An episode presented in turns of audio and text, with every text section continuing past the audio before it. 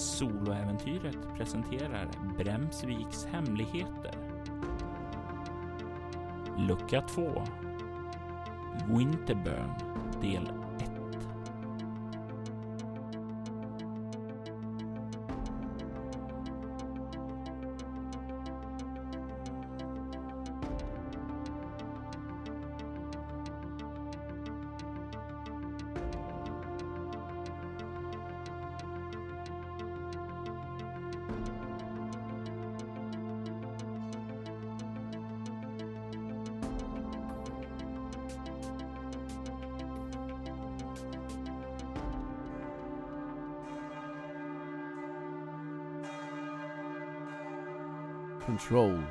destiny or somebody else will. Jack Welch. San Sebastian 1994. Frågan är bara varför. Någon som vet det? Jeremiah sänkte den vita kritan och vände sig bort från den svarta tavlan och såg ut över klassen. Han kunde se att hela klassen var borta, eller ja, inte hela klassen. Det var en person som var kvar. En person som förstod honom. En som han hade ögonen för. Samma person som vanligt. Hon förstod alltid var han var på väg med sina spekulationer och frågeställningar. Ja, Sasha. Kan du förklara för resten av klassen? Jeremiah lyssnade lätt i början på vad som sades, men lät sedan sina tankar glida iväg åt annat håll. Han visste ju redan vad Sasha skulle prata om. Medan hon talade betraktade Jeremiah henne närmare. Vem som helst kunde se att Sasha var smart. Men hon var också otroligt vacker. Hon attraherade Jeremiah. Fick honom att drömma. Dagdrömma. Han studerade hennes gester med händerna hur hon använde dem för att förklara den frågeställning som han framlagt. Jeremiah släppte henne inte med blicken. Hennes vackra smilgropar fanns där. Brösten. Jeremiah hade aldrig direkt varit en kvinnokarl. Ett eller två allvarligare förhållanden. Inget som varade längre än ett år dock. Ingen kunde förstå hans passioner. De flesta kvinnor var ytliga skal utan några djupare kunskaper. Förutom Sasha. I henne fanns allt. En hel förpackning. Men hon var förbjuden frukt. Hon var eleven och han var läraren. Men det betydde inte att han inte kunde drömma. Jeremiah lade märke till hur Sasha vände sig om mot honom och han insåg att hon var klar med sin förklaring. Det är så det ligger till. Intressant, professorn. Även om han inte hade hört ett ord av vad Sasha sa nickade Jeremiah stolt över sin främsta student. Exakt. Som jag tidigare sa. Ur hans mun strömmade haranger av meningslösa ord. Det var bara visdom åt får som inte visste vad de skulle göra med det. Det var bara en person som var värd hans visdom i denna klass. Sasha Mitchell.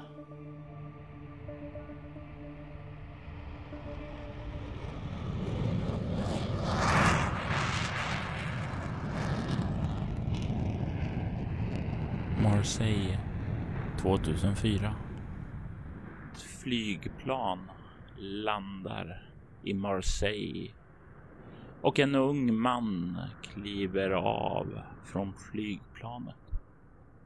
Det är en amerikan. En amerikan som inte har besökt Frankrike tidigare i sitt liv. Det här är första gången han befinner sig i Europa. Han sluter sina ögon medan han vandrar framåt mot tullen och drar sig till minnes brevet han fick från professor Jeremiah Ford. God dag. Mitt namn är Jeremiah Ford. Du kanske inte hört talas om mig tidigare men jag blev rekommenderad att ta kontakt med dig.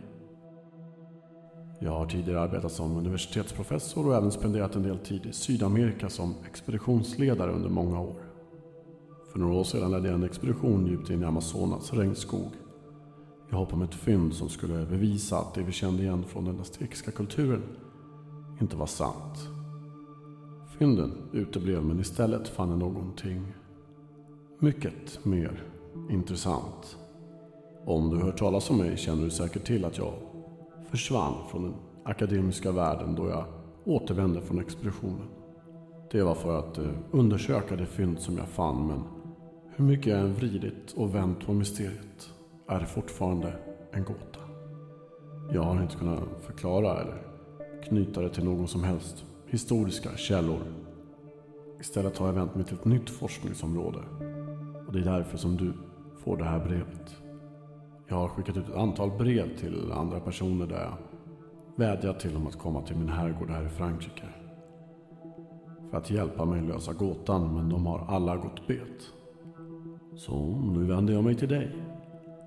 Givetvis betalar jag resan hit om du bara ringer min assistent. Jag kommer även ersätta er för ert deltagande i studien. Vad som krävs av er är en utförlig rapport om vad ni tror fyndet är, hur det fungerar och varifrån det kom. Ersättningen kommer inte påverkas om era betraktelser är korrekta. Utan era slutsatser kommer istället användas som grund för vidare forskning från min sida. Bortsett från detta är det även obligatoriskt med dagboksanteckningar under er vistelse här som jag kan ta del av. Och det slutliga som krävs av er är att ni skriver under ett NDA när ni anländer här.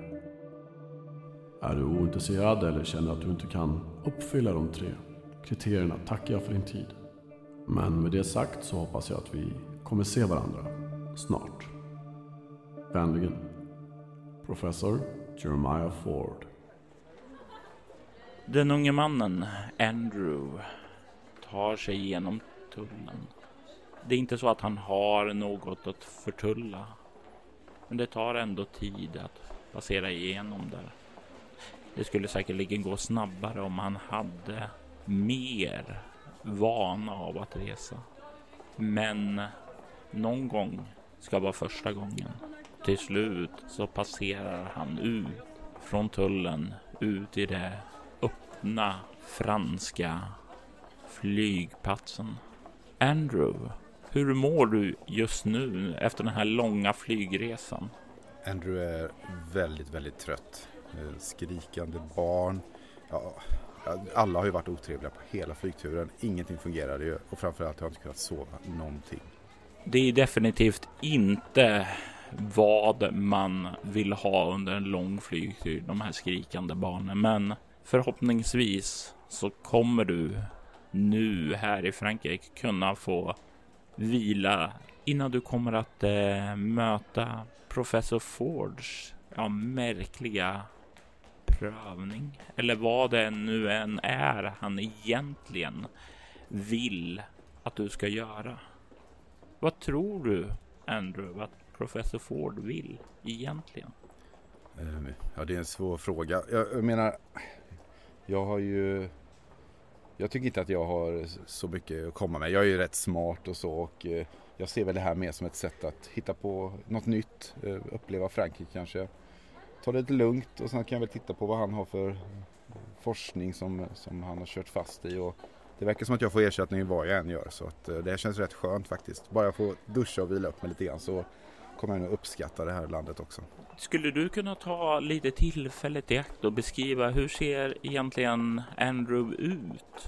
Eh, Andrew är ju, man lägger nog inte märke till honom egentligen. Eh, trevlig, väluppfostrad och så vidare. Eh, men han gör ju det han tycker är kul för stunden så att han har ju aldrig liksom haft något längre engagemang eh, med någonting. Eh, brunt hår, eh, ganska, ganska tråkig klädstil kanske och eh, han är inte så noga. Han, eh, han tar det ganska lugnt egentligen. Så jag tror inte man, man lägger nog inte märke till honom eh, i en i folksamling. Eh, och du kommer ut dit och eh, kommer ut till de här banden där eh, ens bagage eh, brukar komma snurrande. Hur reser Andrew? Har han mycket bagage med sig eller reser han väldigt, väldigt lätt? Han reser väldigt lätt. Eh, han, eh, han har ju såklart då läst på lite grann ändå när han skulle ut och åka. Så han tänkte att nej men jag ska ju dit och jag behöver ha för kläder. Nej, jag kanske kan gå och handla lite, shoppa lite. Nå något äventyrligt i alla fall kan jag hitta på när jag väl är i Frankrike. Så att han har nog bara en vanlig, vanlig väska men han har checkat in den i alla fall. Eh, så att han väntar vid bandet där och eh, tycker väl sig se sin väska emellanåt och så är det någon annans. Han är ganska irriterad nu. Eh, han har fått stå längre än han tänkt. Säkert bara fem minuter men eh, ja, han är trött. Jag tänker också så här hela situationen, allt som letar upp till det här. Vi kan börja med att låta dig slå ett omskakande skräckslag med utstrålning bara för att se hur mycket det här tär på dig. Och när du står där med väskorna som kommer och du minns de här berättelserna som du har läst på om hur bagage förloras på vägen eller skeppas iväg någon annanstans än dit eh, man egentligen ska resa. Yes.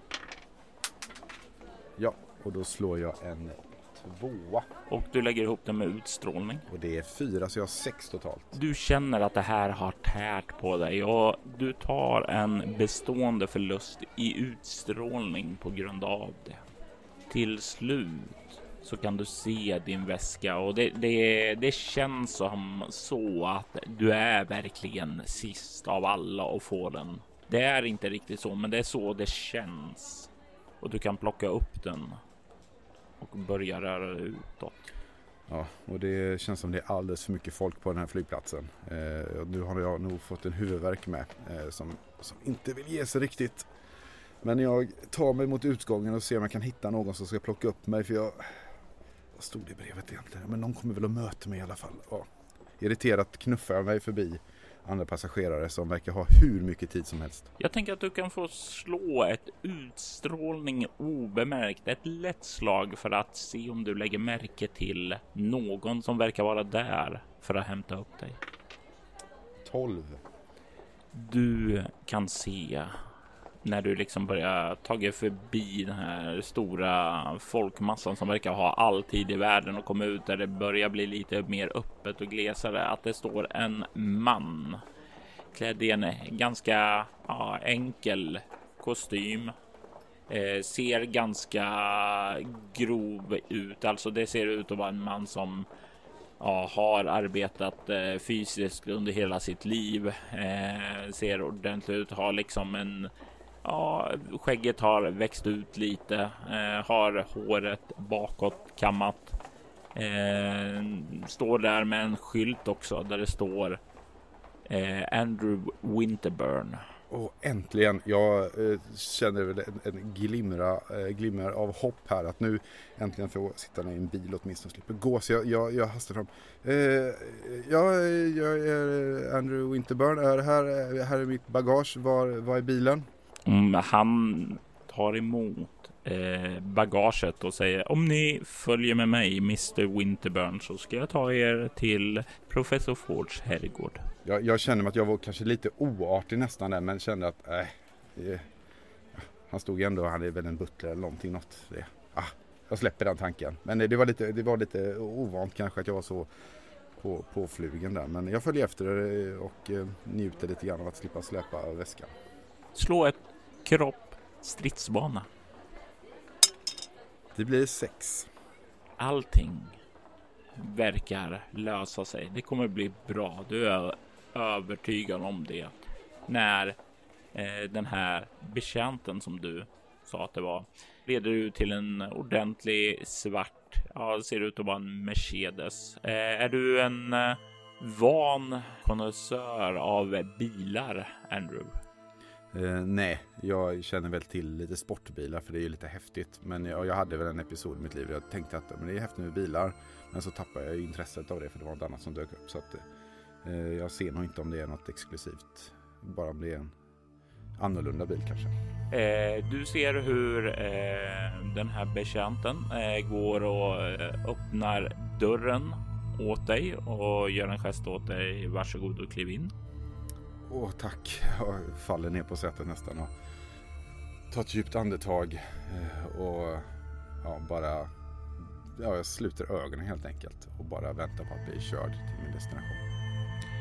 Du hör bagageluckan öppnas. Din väska läggs ned och stängs igen och snart öppnas dörren och mannen sätter sig och börjar starta upp bilen och ni kan snart köra ut från flygplatsen. Du kan se hur betjänten kollar in i backspegeln mot dig och frågar eh, önskar ni att lyssna på något särskilt?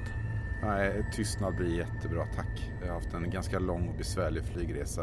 Jag ber om ursäkt om jag är lite kort i tonen men jag skulle faktiskt vilja sova lite om det går bra. Det går alldeles utmärkt. Då väcker jag er när vi kommer fram.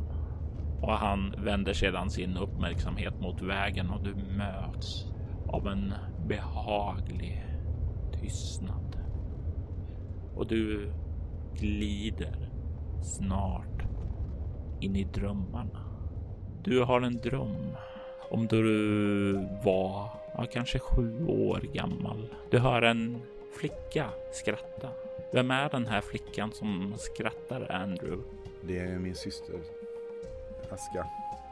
Aska, din tvillingsyster. Hon som föddes några minuter efter dig skrattar och sen så hör du hon säga Hallå, vakna! Ah, Kom Andrew! ah, sluta! Jag, jag tror att jag, eh, jag blir lite irriterad igen och huvudvärken kommer ju över mig. Eh, jag har inte druckit eh, någonting och den här whiskyn som jag tog på planet, eller om det var ett flertal, gör sig påminna nu.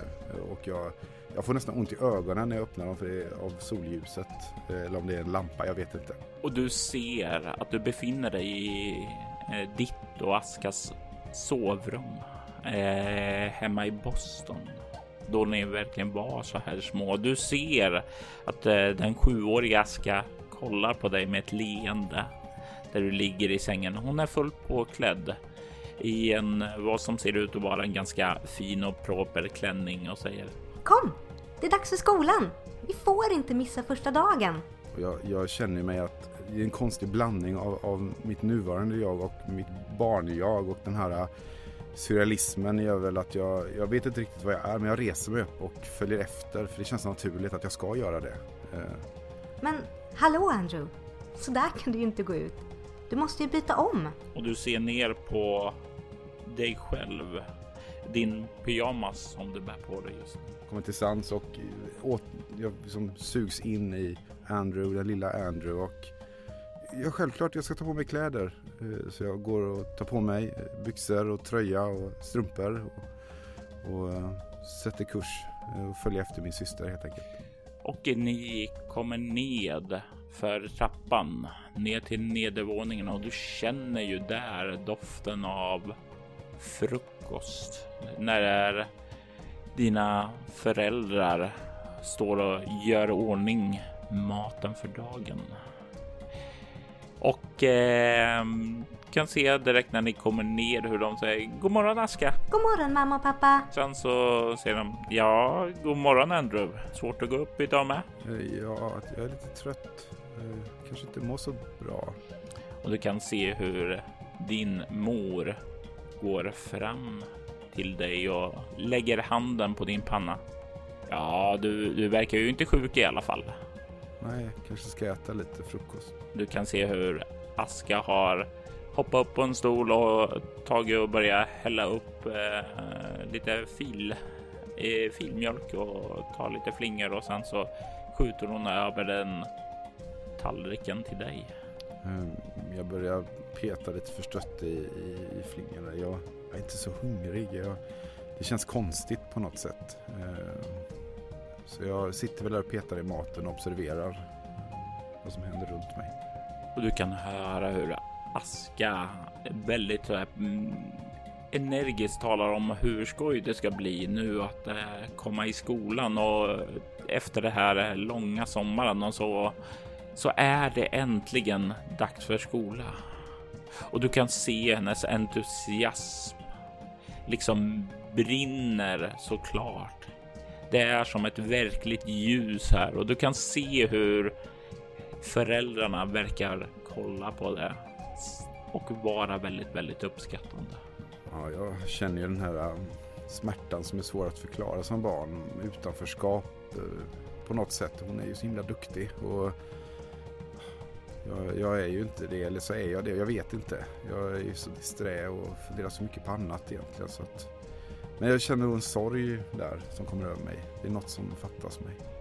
Och eh, ni gör er sedan redo och klä på er ytterkläderna och börjar gå ut ur huset och lämnar era föräldrar bakom er och börjar gå mot bussen. Och det är där som liksom Aska kollar på dig. Andrew, Ja, hur är det? Du verkar lite låg. ja det är... Det är du, du är ju så duktig och vet vad du vill och jag vet inte, det känns bara jobbigt. Mamma och pappa de, eh, de verkar gilla dig mer än mig. Det gör de inte. De är bara dåliga på att visa vad de känner.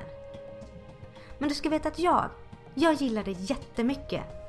Mm, så här, så här mycket. Säger hon och drar ut händerna och sträcker ut dem så långt som hon kan. Jag, jag kan, ett skratt kommer upp, bubblar upp ur mig för jag tycker ju om min syster. Eh, Jag kan ju inte, även om det känns jobbigt ibland att hon är så duktig på allt hon gör så, så är hon min syster ändå. Och hon eh, ler tillbaka och sedan så tar hon och ger dig en kram. Jag kramar tillbaka och det känns, känns väldigt bra. Det känns som att dagen kan nog bli helt okej. Okay. Och ni kommer fram till busshållplatsen och ni kan höra hur bussen kommer körande mot er och hur den plötsligt börjar tuta till och du vaknar med ett ryck av att eh, du hör en tuta då en bil kör om och förbi dig. Ah! Oh. Ah. Eh, aska? Ja, eh, va- ah, just Frank. Oh. Vad händer? Vi hade en otrolig bilist där bakom oss. Det är ingenting att oroa sig för. Du kan se nu att ni verkar ha lämnat Marseille och åker nu längs en mindre väg på den idylliska landsbygden. Du kan se rader av åkrar. du Kan i bakgrunden se en del småfläckar av skog och en hus och Även en del jordbruksmaskiner kan skymtas där ute på avstånd.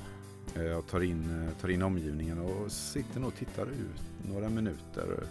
Ja, den tuppluren jag fick har gett mig lite kraft tillbaka och ja, det känns lite bättre men jag är väldigt törstig och har lite huvudvärk fortfarande. Du kan faktiskt slå ett lätt slag med ego lingvistik. 12. Nu när du liksom har vilat ut lite, känner lite mer återhämtad och så, så är det en sak som slår dig som du inte tänkte på tidigare. Den här betjänten. Han talar inte med fransk brytning utan han verkar tala med amerikansk dialekt. Eh, förlåt att jag frågar men eh, är du från staterna? Det låter som att du... Han ler. Eh, ja, det stämmer. Eh, jag eh, lärde känna Mr Ford på en av hans expeditioner och har arbetat med honom sedan dess. Kan du berätta mer? Det är jag, jag, jag famlar med orden för jag vet inte om, om det han skriver i brevet är något som, som är känt. Alltså jag blir väldigt förvirrad där så jag, för, jag blir lite misstänksam på något konstigt sätt. Eh, osäker kanske för det stod ju i brevet att jag skulle, jag skulle skriva på något NDA så jag, jag blir nog lite så här börjar babbla på men så blir jag lite tyst och så frågar jag men har du lust att berätta någonting? Det låter ju jättespännande. Ja, vad, vad vill ni veta? Eh, expeditionen var... Ja, det kan vara för två år sedan. Vi var iväg eh, ner till Amazonas. Eh, ja, professor Ford, han hade... Han hade nog vilja att kontrollera om eh, det var någon gammal... Nu ska vi se här. Gudinna som han letade spår på om det verkligen fanns någon koppling till eh, ja, asti, den nu, Jo, det var den aztekiska kulturen. Jag, som ni kanske förstår är inte jag särskilt lärd. Jag var inte där för att eh, delta i den, utan jag hjälpte till med praktiska detaljer där. Ja, vad spännande. Uh, uh, jag känner mig lite obekväm här för att hade han varit en akademiker så skulle jag kunna börja prata men nu vet jag inte riktigt vad han gjorde så jag, jag, jag tror att jag lutar mig tillbaka, tittar ut lite grann och ha, vad, vad jobbar du med nu då? Ja, ja, jag hämtar gäster så, som dig. Jag sköter lite det praktiska med upprustningen av herrgården som professor Ford har köpt. Eh, vad eh, finns en del. Ja, du vet hur det är. Det finns alltid saker att göra med gamla hus. Hur, ja, jag får fråga, hur, hur är professor Ford? Han verkar, han verkar ju har ganska bra med, med, med, resurser och så. Han kan ha en herrgård och han gör expeditioner. Det låter ju jättespännande. Ja, han har haft en ganska lång eh, anrik karriär så han har ju hunnit bygga upp en hel del genom åren. Eh, jag tror att han kom från en ganska rik släkt så det, det hjälper ju till det också. Eh, men som person, ja men han, han vanligtvis. Eh, rätt så trevlig. Eh, han har väl en tendens att kunna aj, gräva sig in eh, i saker och ting. Du vet ju hur akademiker kan vara. De kan snöa in lite och liksom glömma att vara social och så. Ja, så, så kan det ju vara såklart. Men, är, är det fler än jag som eh, arbetar med det där som jag ska arbeta med? Eh, det har varit andra här tidigare, men eh, mig veterligen så är det bara du nu. Eh, de andra har bidragit med sina svar. Ja, intressant. Jag skrev ju något sånt. Jag mumlade lite för mig själv vad det stod i brevet och ja, ja, ja. ja. Mm.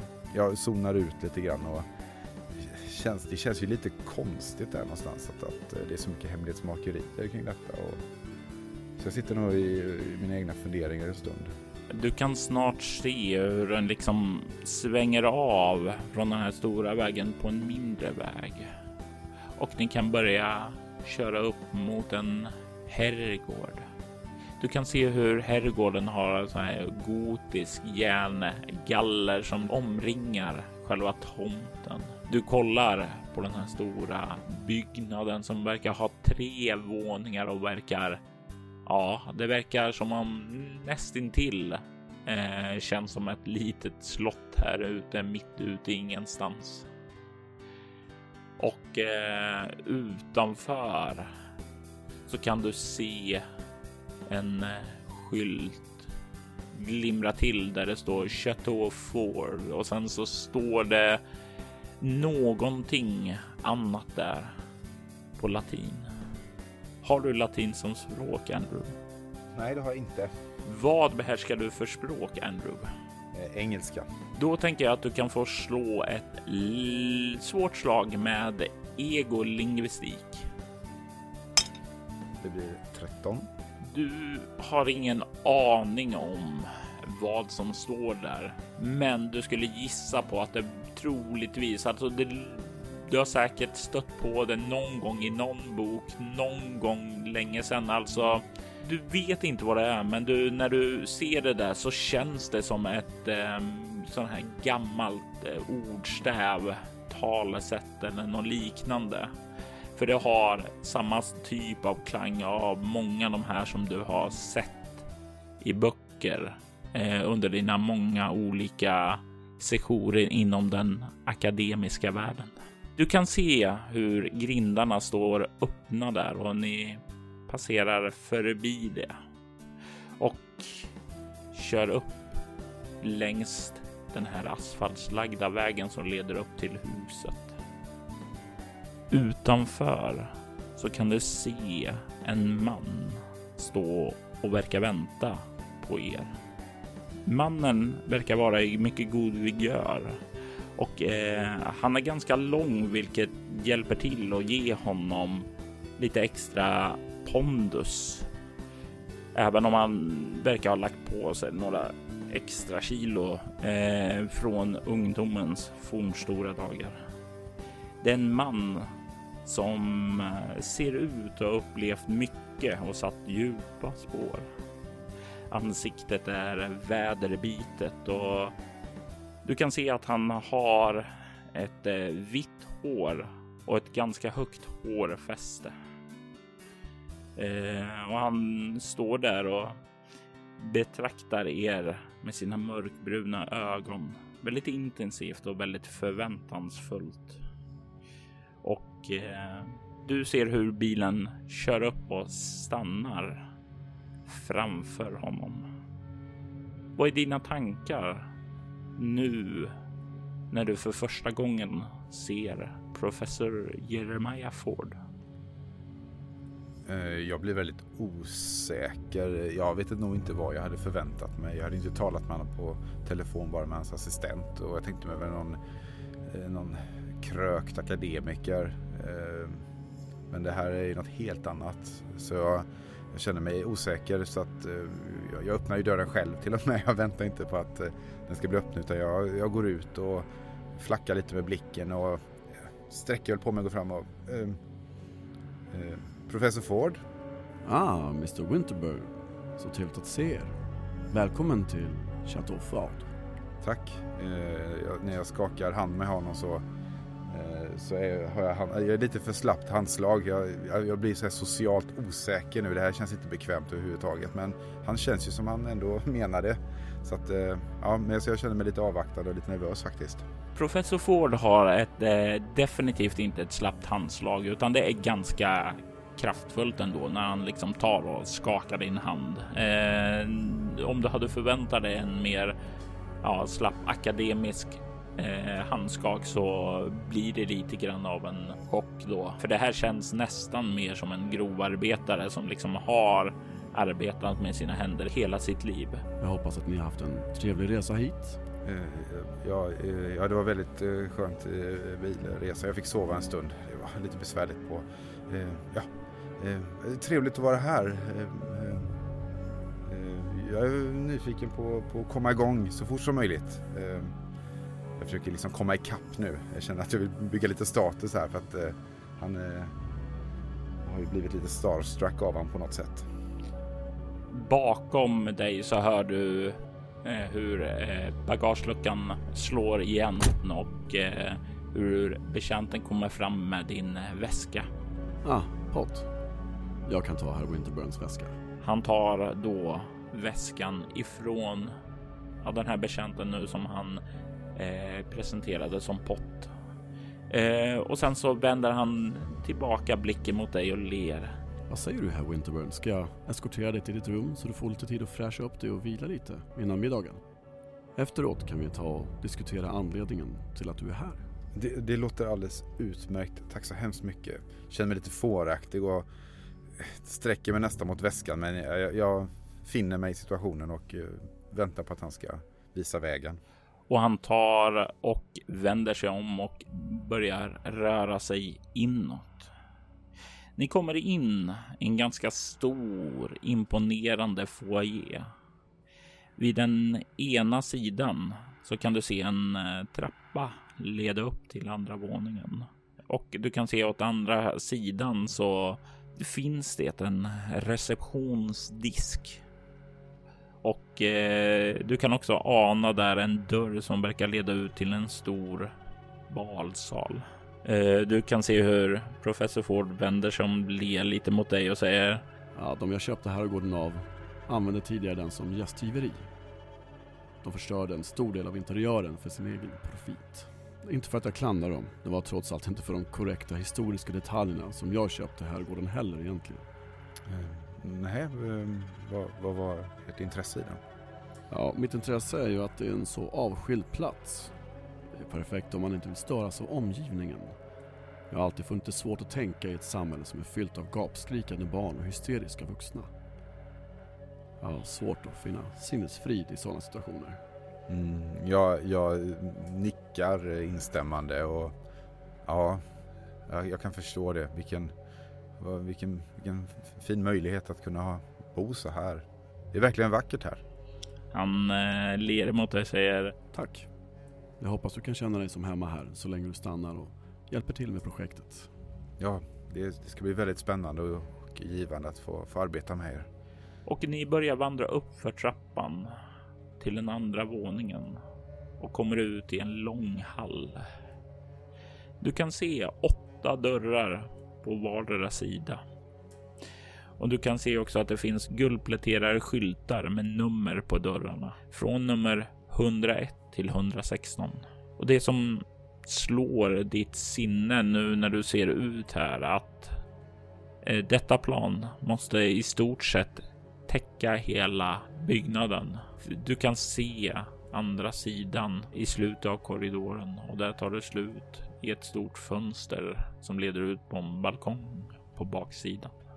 Du kan inte se någon trappa upp till den tredje våningen här. Han leder dig inåt och stannar framför eh, rummet som har numret 109 och kollar emot dig och ler. Rummets inredning går i 1800-talsstil. Tyvärr är det dåligt med moderniteter som tv och radio då jag själv inte är så mycket för sånt. Elektricitet finns självfallet indraget men den enda telefonlina som finns här är nere i kontoret i receptionen. Så behöver du ringa någon så är det bara att du säger till. Ja, det är inga problem. Det ska nog inte behövas. Jag ser fram emot att få, få fräscha upp mig och, och vila en liten stund och så syns vi sen till maten. Låter väldigt trevligt. Absolut. Säger han och tar fram en nyckel och låser upp dörren och räcker sedan nyckeln över till dig och håller även fram väskan. Eh, jag tar nyckeln och eh, lite generat tar jag väskan också. Det känns ju konstigt att ens värd drar omkring på min väska. Så tack så hemskt mycket. Det här, blir, det här blir utmärkt. Toppen, då låter jag Pott komma upp och säga till då middagen är klar. Tills dess hoppas jag att du får en skön och avkopplande stund tills dess. Det ska jag. Tack så mycket. Du kan se han vänder om och börjar gå därifrån. Samtidigt som han visslar på en ja, rätt munter melodi då han försvinner ned för trappan och du blir ensam här. Jag eh, ser mig runt och eh, känner, nej jag, eh, jag tittar på dörrarna runt omkring och jag blir lite nyfiken och eh, sen så går in så fort som möjligt. Du stirrar in i ett ganska stort gästrum. Rummet är precis som man sa inrett i 1800-talsstil. Det är definitivt väldigt fint och flådigt här inne. Du kan se längre bort att det finns en dörr som leder vidare. Troligtvis då in till någon mindre badrum eller liknande. Här i rummet så är det, du kan se det finns stora sådana ljuskandelabrar med eh, stearinljus. Du kan se en öppen eldstad. Du kan se en himmelsäng och du kan se hur eh, de här stora fönstren visar miljön utanför, även om de inte är stora glas utan är avdelade med spröjs. Det här är ju som en dröm nästan. Det är ju fantastiskt. Att eh, från den här eh, traumatiska flygresan och bilfärden och min dröm alltihopa så är jag helt själv. Det är tyst, det är lugnt. Jag nästan ilar in och, och, och sätter mig på sängen och ja, tar av mig kläderna och nej nu ska, jag, nu ska jag duscha och nu ska jag vila bara. Det går som på automatik. Eh, eh, och eh, kommer in i badrummet och bekantar mig med eh, de olika kontrollerna på att säga. med vreden. Det är väl eh, lite gammaldags kanske men jag står snart under duschen och njuter av en, njuter av en dusch helt enkelt. Och du, det är verkligen renande att få det här vattnet skölja över en och det är stärkande. Det är faktiskt så stärkande att den här stunden när du liksom bara får skölja av dig resdammet och de dåliga vibrationerna så du kan få tillbaka din bestående förlust i utstrålningen. Det känns verkligen helt fantastiskt och eh, ljudet av eh, när vattnet slutar skvala och den här tystheten som kommer över igen. Eh, ja, det är rogivande, det är verkligen vad jag behöver det här. Eh, och eh, jag tänker på vad professorn sa, att han, vad han tyckte om med det här lugnet och det smittar av sig. Eh, jag känner att jag kan sympatisera väldigt mycket med hans, hans tankar där. Eh, snart så har jag bytt om eh, till fräscha kläder och eh, packat upp min lilla väska eh, som jag brukar göra när jag, de få gånger jag sovit på hotell och så lägger jag mig i sängen och, och eh, ja, tittar på rummet, tittar ut lite grann och jag kan tänka mig att efter en liten stund så blir jag lite sömnig och eh, slocknar igen. Innan du glider in i sömnens eh, djupa dvala så vill jag ställa dig en fråga och det är eh, Andrew har ju ett akademiskt intresse. Även om själva området i sig kan variera beroende på vad han blir intresserad av för stunden. Men eh, hur är hans historiska intresse? Är det någonting som har varit tidigare i livet och i så fall när? Är det något som är aktuellt nu eller är det något som han inte blivit kittlad av tidigare? Jo, men han, eh, han uppskattar eh, eh, historia, för det får han att förstå olika sammanhang och eftersom han är ganska bred i sitt intresse, för han har bytt intresseområden, så historien har på något sätt kommit tillbaka eftersom det är så verkligheten hänger ihop, eh, anser han. Så när han eh, tittar runt och, och han sa 1800-tal och så tänker han, ja, är det här 1800-tal? Ja, och så, så jag är nog lite betraktande ändå och, eh, och funderar lite grann över det här rummet och de detaljer jag kan se. Definitivt så var ju inte toaletten och duschen 1800-tal utan det var troligtvis upprustat i samband med det här var ett gästgiveri då. Men själva rummet du befinner dig i känns autentiskt i ganska lång utsträckning. Du känner sedan hur du glider in i sömnens rike igen. Du vaknar med tryck. Det är natt. Du kan höra dörren till rummet glida igen. Som om någon har varit inne och stänger dörren. Jag eh, rycker till och, och eh, tittar mot dörren. Du inser att du inte är där du somnade. Du är tillbaka i Boston. Men du är äldre nu. 13 år gammal. Du minns det ganska klart eftersom ni hade nyss för första gången liksom möblerat om era rum rejält där och din säng hade placerats på ett helt annat ställe. Och du kan se att eh, din systers säng är tom. Aska? Aska? Jag, jag sträcker mig efter lampknappen eh, på, på eh, sänglampan och slår på. Du ser hur ljuset lyser upp ert rum som det här, vid det här tillfället började kännas rätt så litet ändå. Trots allt så hade det ju gått bra att dela det när ni var småbarn, men nu börjar ni komma in i tonåren och då var det lite jobbigare där. Men när du ropar efter din syster får du inget svar. Du är ensam här. Jag, eh, jag blir lite orolig för hon, vad jag vet så brukar hon ju inte smita iväg på, på natten. Vad är klockan? Jag tittar på klockan. Klockan är eh, 23.30. Och vet jag vad, vad är det för dag som jag tror att det är? Om det är en veckodag eller helgdag. Du tror att det är en eh, vanlig veckodag. Med tanke på vad klockan är och att det är en veckodag så eh, ställer jag mig upp och jag går fram till dörren och, och tittar ut och ser om det, om det är så att hon precis lämnat så borde jag kanske se henne utanför om hon inte har sprungit väldigt snabbt. Du kikar ut genom fönstret. Kan se att ert grannskap verkar relativt lugnt. Ni bor trots allt i en ganska lugn del av Boston. Du kan inte se din syster där ute. Så antingen är hon inte ute eller så är var hon väldigt snabbt iväg. Ehm, jag eh, öppnar dörren och eh, gör ett försök att eh, gå, ner då och jag går förbi toaletten och tittar om hon är där och jag går ner i köket och ser om hon kanske var törstig. Du kommer fram till trappen och du kan höra röster nedifrån. Rösterna från din syster och dina föräldrar. Du kan höra hur Aska säger. Men, men, men Andrew då? Han borde ju också få vara med. Du kan höra din far svara på det. Andrew är jättetrevlig och jätte duktig på många saker, men det, det här är någonting som bara du kan lära. Eh, Andrew har nog inte riktigt tålamod för det här. Men jag tycker ni borde ge honom en chans. Jag känner mig inte bekväm med att inte få berätta någonting om det här för min bror. Du kan se hur din mor där kliver fram, hukar sig lite på knä och lägger händerna på din systers axel.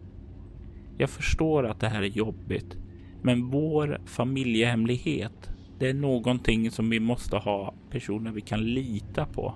Andrew är inte riktigt redo för det här, kanske i framtiden. Men för nu så är det här din plikt, Aska. Och du kan se hur hon skruvar oberört på sig och sen så sänker hon huvudet. Eh, du kan se det här känslan som hon alltid har velat. Ja, hon har velat vara den här snälla flickan, den skötsamma. Så hon nickar åt sina föräldrar och du kan se hur de börjar leda henne bort emot källardörren. Andrew, det här är inte något som du kan minnas från ditt förflutna. Hur känns det här? Jag känner ju hur det bränner i, jag är trots allt tidigt tonåring men det bränner ändå tårar i ögonen eh, av utanförskapet. Men samtidigt så blir jag lite eh, orolig. Det här, det här är ju jättekonstigt. Vad, vad är det för familjehemlighet? Vad är det, vad är det som jag inte får veta? Och, och jag är ju van att jag blir, att min syster är förfördelad och så, så att jag är inte jätteförvånad men jag blir väldigt nyfiken och samtidigt lite rädd. Eh, för de, mina föräldrar är så allvarliga i det här och de litar inte på mig och på henne. Det är mycket känslor som, som eh, snurrar i mitt huvud just nu. Och du försöker röra dig nedåt efter dem då? Ja, jag dras liksom mot dem långsamt. Jag smyger utan att veta riktigt varför egentligen. Kanske för att de pratar om att jag inte ska få veta någonting. Och jag känner mig väldigt utanför så jag, jag drivs nog mer om att jag vill komma närmare dem än att jag är nyfiken på vad, vad den här hemligheten är. För, för det, den, den smärtan är ju större, utanförskapet. Slå ett kropp obemärkt. Och du ska upp i 14. Jag får 11. Du börjar röra dig fram emot källardörren som är stängd nu. Du kommer fram till den och du hör plötsligt ett Mr Winterbird. Du vaknar i sängen. Jag känner hur jag, hur jag svettas ymnigt och vad är jag? Jag är här och igen en dröm och ja, ja, Ja. Maten är redo. Eh, eh, ja, eh, jag, jag kommer. Ge, ge, mig en minut bara. En minut. Absolut, jag väntar borta vid trappen, säger han och du kan höra fotsteg som leder iväg bort. Ja, jag, jag hastar upp. Jag är lite darrig. Jag mår inte riktigt bra. Jag går in på toaletten och blaskar vatten i ansiktet och, eh, och jag ska träffa professorn nu. Jag måste ju skärpa till mig och titta mig i spegeln och, och jag ser väl den här. Ja, vad ser jag egentligen när jag ser mig i spegeln? När du kollar upp i spegeln så är det inte dig själv du ser. Det är det andra myntet av dig själv. Du ser din syster Aska där för en kort stund innan du liksom blinkar och du ser ditt trötta, förvirrade och uppjagade jag. Den här drömmen, den, den är inte som andra drömmar. Andra drömmar har en tendens att börja bli, ja, glida undan, bli mer fluffig, börja försvinna. Detaljerna blir vaga. Men inte den här drömmen. Det är fortfarande klart och tydligt för dig. Jag känner mig ganska orolig och obekväm och mm, som du säger, det, det är som ett minne. Det, det ligger färskt framför mig och, och, just den här stängda dörren som jag inte vet vad som pågår bakom och vad de pratar om egentligen. Så, men jag, jag försöker fräscha till mig och, och, och slå på ett leende och eh, ge mig ut ur rummet för att eh, ja, möta professorn. Och du kan se hur den goda betjänten Pott står och eh, ler när du kommer ut. Ah, Mr Winterburn, om ni följer med mig. Och vän, han vänder sig om och börjar kliva ner för trappen.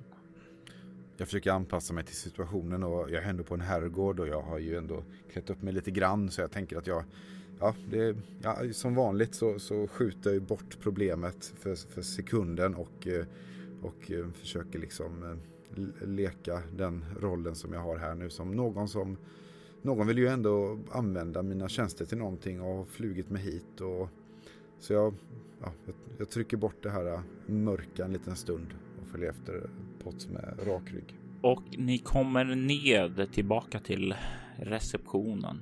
Det ligger ett lummigt sken över receptionen och utanför så har det hunnit bli kväll. Solen har börjat skymma och eh, du kan se att eh, på samma vägg som trappen leder upp så leder Mr Pott dig fram till en dörr och öppnar och du kan se ut i vad som är en matsal. Längst in vid ett finare ekbord så står det mat uppdukat och du kan se hur professor Ford reser sig upp. Ah, jag hoppas ni har sovit gott. Oh, mycket, mycket bra. Tack så hemskt mycket för er gästfrihet. Det här är ju verkligen lyxigt. Tack. Eh, och du kan se hur Mr Pott vänder sig och ler mot dig. Det är bara att ta för er. Önskar ni något särskilt att dricka? Mm, jag är ju väldigt nyfiken på, på det lokala vinet såklart. Jag är ändå i Frankrike. Absolut. Jag har någonting som jag tror kommer passa er alldeles utmärkt, säger han och ler. Eh, om ni ursäktar mig. Självklart. Du kliver fram däremot och eh, professor Ford välkomnar och ber dig att, att eh, hugga in. Ta vad du vill ha för att smörja kråset. Du kan se att det är uppdukade rätt så mycket. Du, det här är definitivt inte en rätt för två personer, alltså för det här är nästan som en ja, en stor middagsbuffé. Jag är, det vattnas ju i munnen på mig. Jag är väldigt hungrig, ätit på väldigt länge nu och aptiten är tillbaka. Jag har fått vila så nu nästan lite oartigt så börjar jag plocka på mig som en, en sån riktig buffétallrik. Eh, precis som att eh, jag ska äta allt på en gång. Eh, och eh, jag kommer väl på mig själv efter en stund och så sätter jag mig ner och ler, ler lite ansträngt åt eh, professorn och börjar sakta äta och smaka på den maten. Och eh, vinet kommer ju också in och när du får smaka det, det, det, det smakar riktigt, riktigt utsökt. Det är inte sån här vinen som du har prövat att dricka i staterna, utan det här är riktigt vin. Oh, vilket fantastiskt gott vin. Eh, är det, är det lokalt producerat? Jag försöker få upp en konversation här. Eh, Mr Port nickar och, och berättar lite kort om att det ligger en eh, vingård i några kilometer härifrån som han brukar vara och handla vin hos åt professor Ford. Och eh, professor Ford nickar och fyller i lite att vad han har för preferenser kring vin och han frågar om du är bevandrad inom vindrickandets ädla konst. Nej, det skulle jag inte påstå. Det är, det är klart jag uppskattar ett gott vin. Eh, jag höjer glaset liksom för att förstärka mina ord. Men det blir väl oftast en, en sen whisky på kvällen för att slappna av. Eh, eller en bourbon. Men det här, det här var väldigt, väldigt gott. Och du kan se han ler eh, och tar sedan upp eh, och frågar dig liksom om du skulle vara intresserad av att besöka den vingården så skulle det säkert gå att ordna under någon av de kommande dagarna.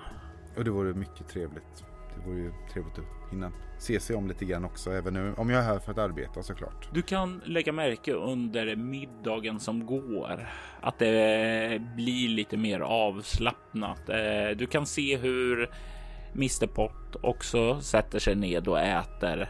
Eh, så det blir som här Mr Pott sitter på ena sidan och Professor Ford på den andra sidan av högsätena då och du sitter någonstans där mitt emellan. Eh, det är en ganska avslappnad stämning här under det här middagen. Men jag tänker att du kan förslå ett lätt slag med utstrålning kameleont. Åtta. Du kan inte riktigt sätta fingret på det, men det är.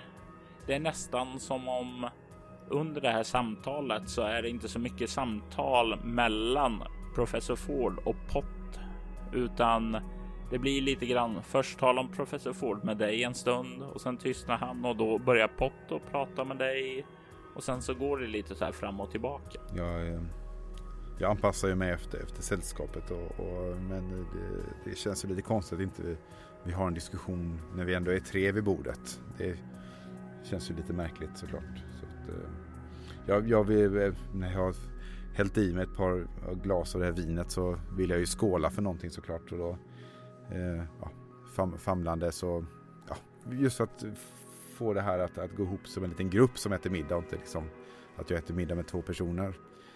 Ehm, eh, och eh, ställer mig upp och säger Ja, jag skulle vilja utbringa en skål här för, för det här samarbetet och för, för den gästfrihet som jag får här och eh, både av er Mr Pott och er professor Ford. Tack så mycket och skål! Jag tänker att du kan få slå ett lätt slag med utstrålning interaktion här för att se hur väl du lyckas skapa en bättre gemenskapskänsla. Eh, ja, 10 precis. Du verkar få med dig dem i alla fall. Det blir i alla fall lite mer avslappnat efteråt och de talar även lite med varandra också. Så det känns bättre där efter den här skålen då. Mätt och belåten så kan du till slut skjuta ifrån dig tallriken och du kan se hur professor Ford ler mot dig och säger Jag hoppas att maten var till belåtenhet. Ja, det var fantastiskt gott. Tack så hemskt mycket. Ja, ja. Jag gillar att laga mat. Det är någonting avslappnande och rofyllt med det. Oh, det är ni som har lagat. Vilken skicklig kock ni är. Jag ville inte bli klichén av en ung kar som inte kunde laga mat, så jag lärde mig tidigt att sätta en prick över it i vardagen. Ja, det har jag nog lite jag skulle lära. Eh, skrattar jag lite, lite för mycket nästan. Berusad. Är du berusad? Ja, jag, jag har... Eh, jag har ju inte ätit på länge innan jag började dricka och jag har tyckte vinet var så gott så jag är, jag är lite, lite berusad är jag. Jag tänker mig att du kan faktiskt ha då tagit en bestående förlust i ego. Och det är ju motsvarar det här att du är lite luddig i huvudet och inte riktigt tänker mm. så klart som du egentligen kan göra. Precis. Och du kan se hur Pott säger. Eh, Professor Ford, eh, jag kan ta hand om disken. Eh, den uh, unge Winterburn, han... Ja, du har så rätt. Jack. Säger han och vänder sin blick emot dig. Herr Winterburn, om ni följer med mig så ska jag visa dig skälet till varför du är här. Ja men absolut. Vad spännande. Eh, låt oss gå direkt. Han nickar och reser sig upp. Ni tar och kliver iväg ut ur den här matsalen. Ni kliver in i receptionen och han styr sedan sina steg bort emot balsalen. När du kommer in så kan du se att den eh, i praktiken står helt tom. Längst in i rummet så finns det en dörr och det är dit som han leder dig. Han tar upp en nyckel ur sin ficka och låser upp dörren. Du kan se in i ett rum helt klätt i rött. Tapeterna var röda, liksom heltäckningsmattan. Du kan se ett flertal länstolar som tidigare antagligen hade varit placerade framför den öppna eldstaden som eh, finns här inne. Men som nu står i en halvcirkel. Eh, du kan se att det här är eh, det som tar upp mest del av det här rummet. Du kan se att det finns en bokhylla bortanför den här halvcirkeln av stolar. Eh, och många av böckerna, de verkar gamla riktigt gamla.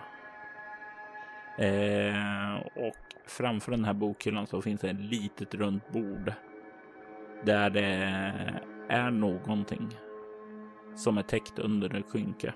Slå er ner, herr Winterburn. Jeremiah pekar mot en av stolarna. Jag eh, går bort eh, nyfiket och kvickt och slår mig ner. och spänner ögonen i det här föremålet som är täckt. Då. Du kan se hur eh, Jeremiah eh, kliver bort till bokhyllan och plockar fram en anteckningsbok.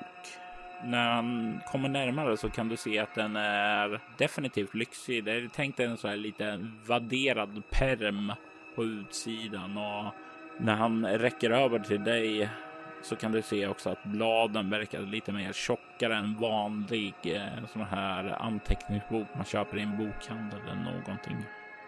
Han sträcker även över en penna till dig. En svart bläckpenna. Anteckningsboken som du fått är den som jag vill att du skriver ner alla dina anteckningar i om föremålet som du är här för att studera. Jag fann den under min senaste arkeologiska expedition. Det första som jag nu vill ha från dig är dina första intryck om det föremål jag strax ska visa dig. Efter att du skrivit klart dina första intryck kan jag svara på de frågor du kan tänkas ha. Är detta klart och tydligt? Ja, jag ska bara, jag tar emot anteckningsboken och pennan och jag bara skriver ner det som jag ser och känner när jag ser det här, vad det nu är. Ja, det är korrekt. Ja, absolut. Du kan se hur professor Ford kliver fram till bordet och lyfter undan skynket. Under det så fanns något som bäst kunde beskrivas som en metallisk konstruktion i koppar. Konstruktionen bestod av ett flertal kopparringar i olika storlekar som verkade röra sakta på sig innanför varandra. Vid en närmare titt ser Andrew att det verkar vara sammanlagt 13 stycken ringar. Men det är inte vad som är konstigt med det. Kopparringarna verkade sväva i ett perfekt förhållande till varandra utan att sitta fast i varandra. Konstruktionen du ser Andrew verkar bryta mot den allmänt vedertagna teorin om Newtons lag. På ett antal av cirklarna satt det dessutom fler kopparkulor som verkade ständigt glida runt cirklarna. En del av cirklarna verkar sakna dessa kulor, andra verkade ha fler. Konstruktionen skulle bäst kunna sägas likna en modell av ett solsystem där planetbanorna var utmärkta men det fanns ingen sol i centrumet. Men det som var mest märkligt med det var att den här artefakten inte låg på bordet. Den svävade en decimeter ovanför det. Bremsvik 1999. Tårarna strömmade längs Sashas kinder då hon betraktade de förkolnade resterna av vad som en gång varit Peter Berg. Han hade fört henne till stugan i Bremsvik då hon slagits medvetslös i bilkraschen. Den som hade inträffat efter den fasansfulla insikten om vad det var som var på väg att ske i hennes liv. Peter hade varit hennes räddande ängel. Men hon hade inte återgäldat tjänsten.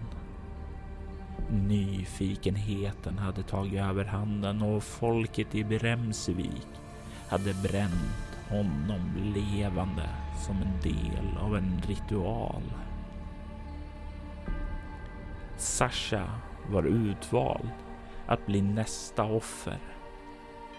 Men hon hade kämpat emot och ovetande frigjort Ritveria. Inom loppet av några minuter hade det nyvaknade monstrets raseri utplånat alla bybor. Hur kunde hon veta att det bara försökt fördriva monstret en gång för alla? Det var hennes fel att hela byns befolkning hade mördats av den nyväckta Ritveria. Vetskapen tärde ständigt på henne. Men den var ingenting mot det faktum att hennes handlingar hade gjort Peters död meningslös. Det enda som fanns kvar av honom var aska. Förvarad i urnan av svart porfyr stående framför henne. Hade inte Sasha åkallat Ritveria skulle hon också ha varit död. Men världen skulle ha varit säker från detta fasansfulla väsen. Ett litet offer hade varit allt som krävs för att ge både hennes och Peters liv mening. Hon hade varit rädd för att dö, men skulle villigt ha gett sitt liv om hon bara hade förstått vad det, hennes död skulle innebära. Sasha hade aldrig lärt känna Peter så väl som hon hade hoppats. Men den tiden de hade tillbringat tillsammans hade vittnat om början till någonting mer. Hon hade haft pojkvänner tidigare. Men hon hade aldrig varit kär. Inombords hade Sasha trott att hon aldrig skulle få uppleva kärlek. De vaknade i sin stuga och såg Peters vackra ansikte. Det var då hon visste. Det var detta som gjorde mest ont. Hon hade funnit sin själsfrände. Bara för att förlora honom lika fort. Peter var död. Och så var även hennes chans till kärlek. Hon började gräva i jorden med sina bara händer för att skapa ett hål djupt nog för urnan. Sashas naglar trasades sönder samtidigt som hålet blev större och djupare. Till slut var det stort nog. Hon ställde ned urnan och började skyffla tillbaka jorden. Du ska inte ha dött i onödan Peter. Det svär jag på. Jag ska inte vila förrän jag har funnit Ritvera och stoppat henne. Det var med ett nytt mål framför sig som Sasha reste sig och torkade tårarna ur ögonen. Jorden från de smutsiga händerna blandades med tårar på hennes kinder. Hon skulle söka reda på allt om Ritveria. Sedan skulle hon hejda det monster som hon själv hade frigjort. Förstå skulle Peters död bli meningsfull. Sasha vände i det ögonblicket ryggen åt sitt gamla liv och tog de första stegen mot sitt nya.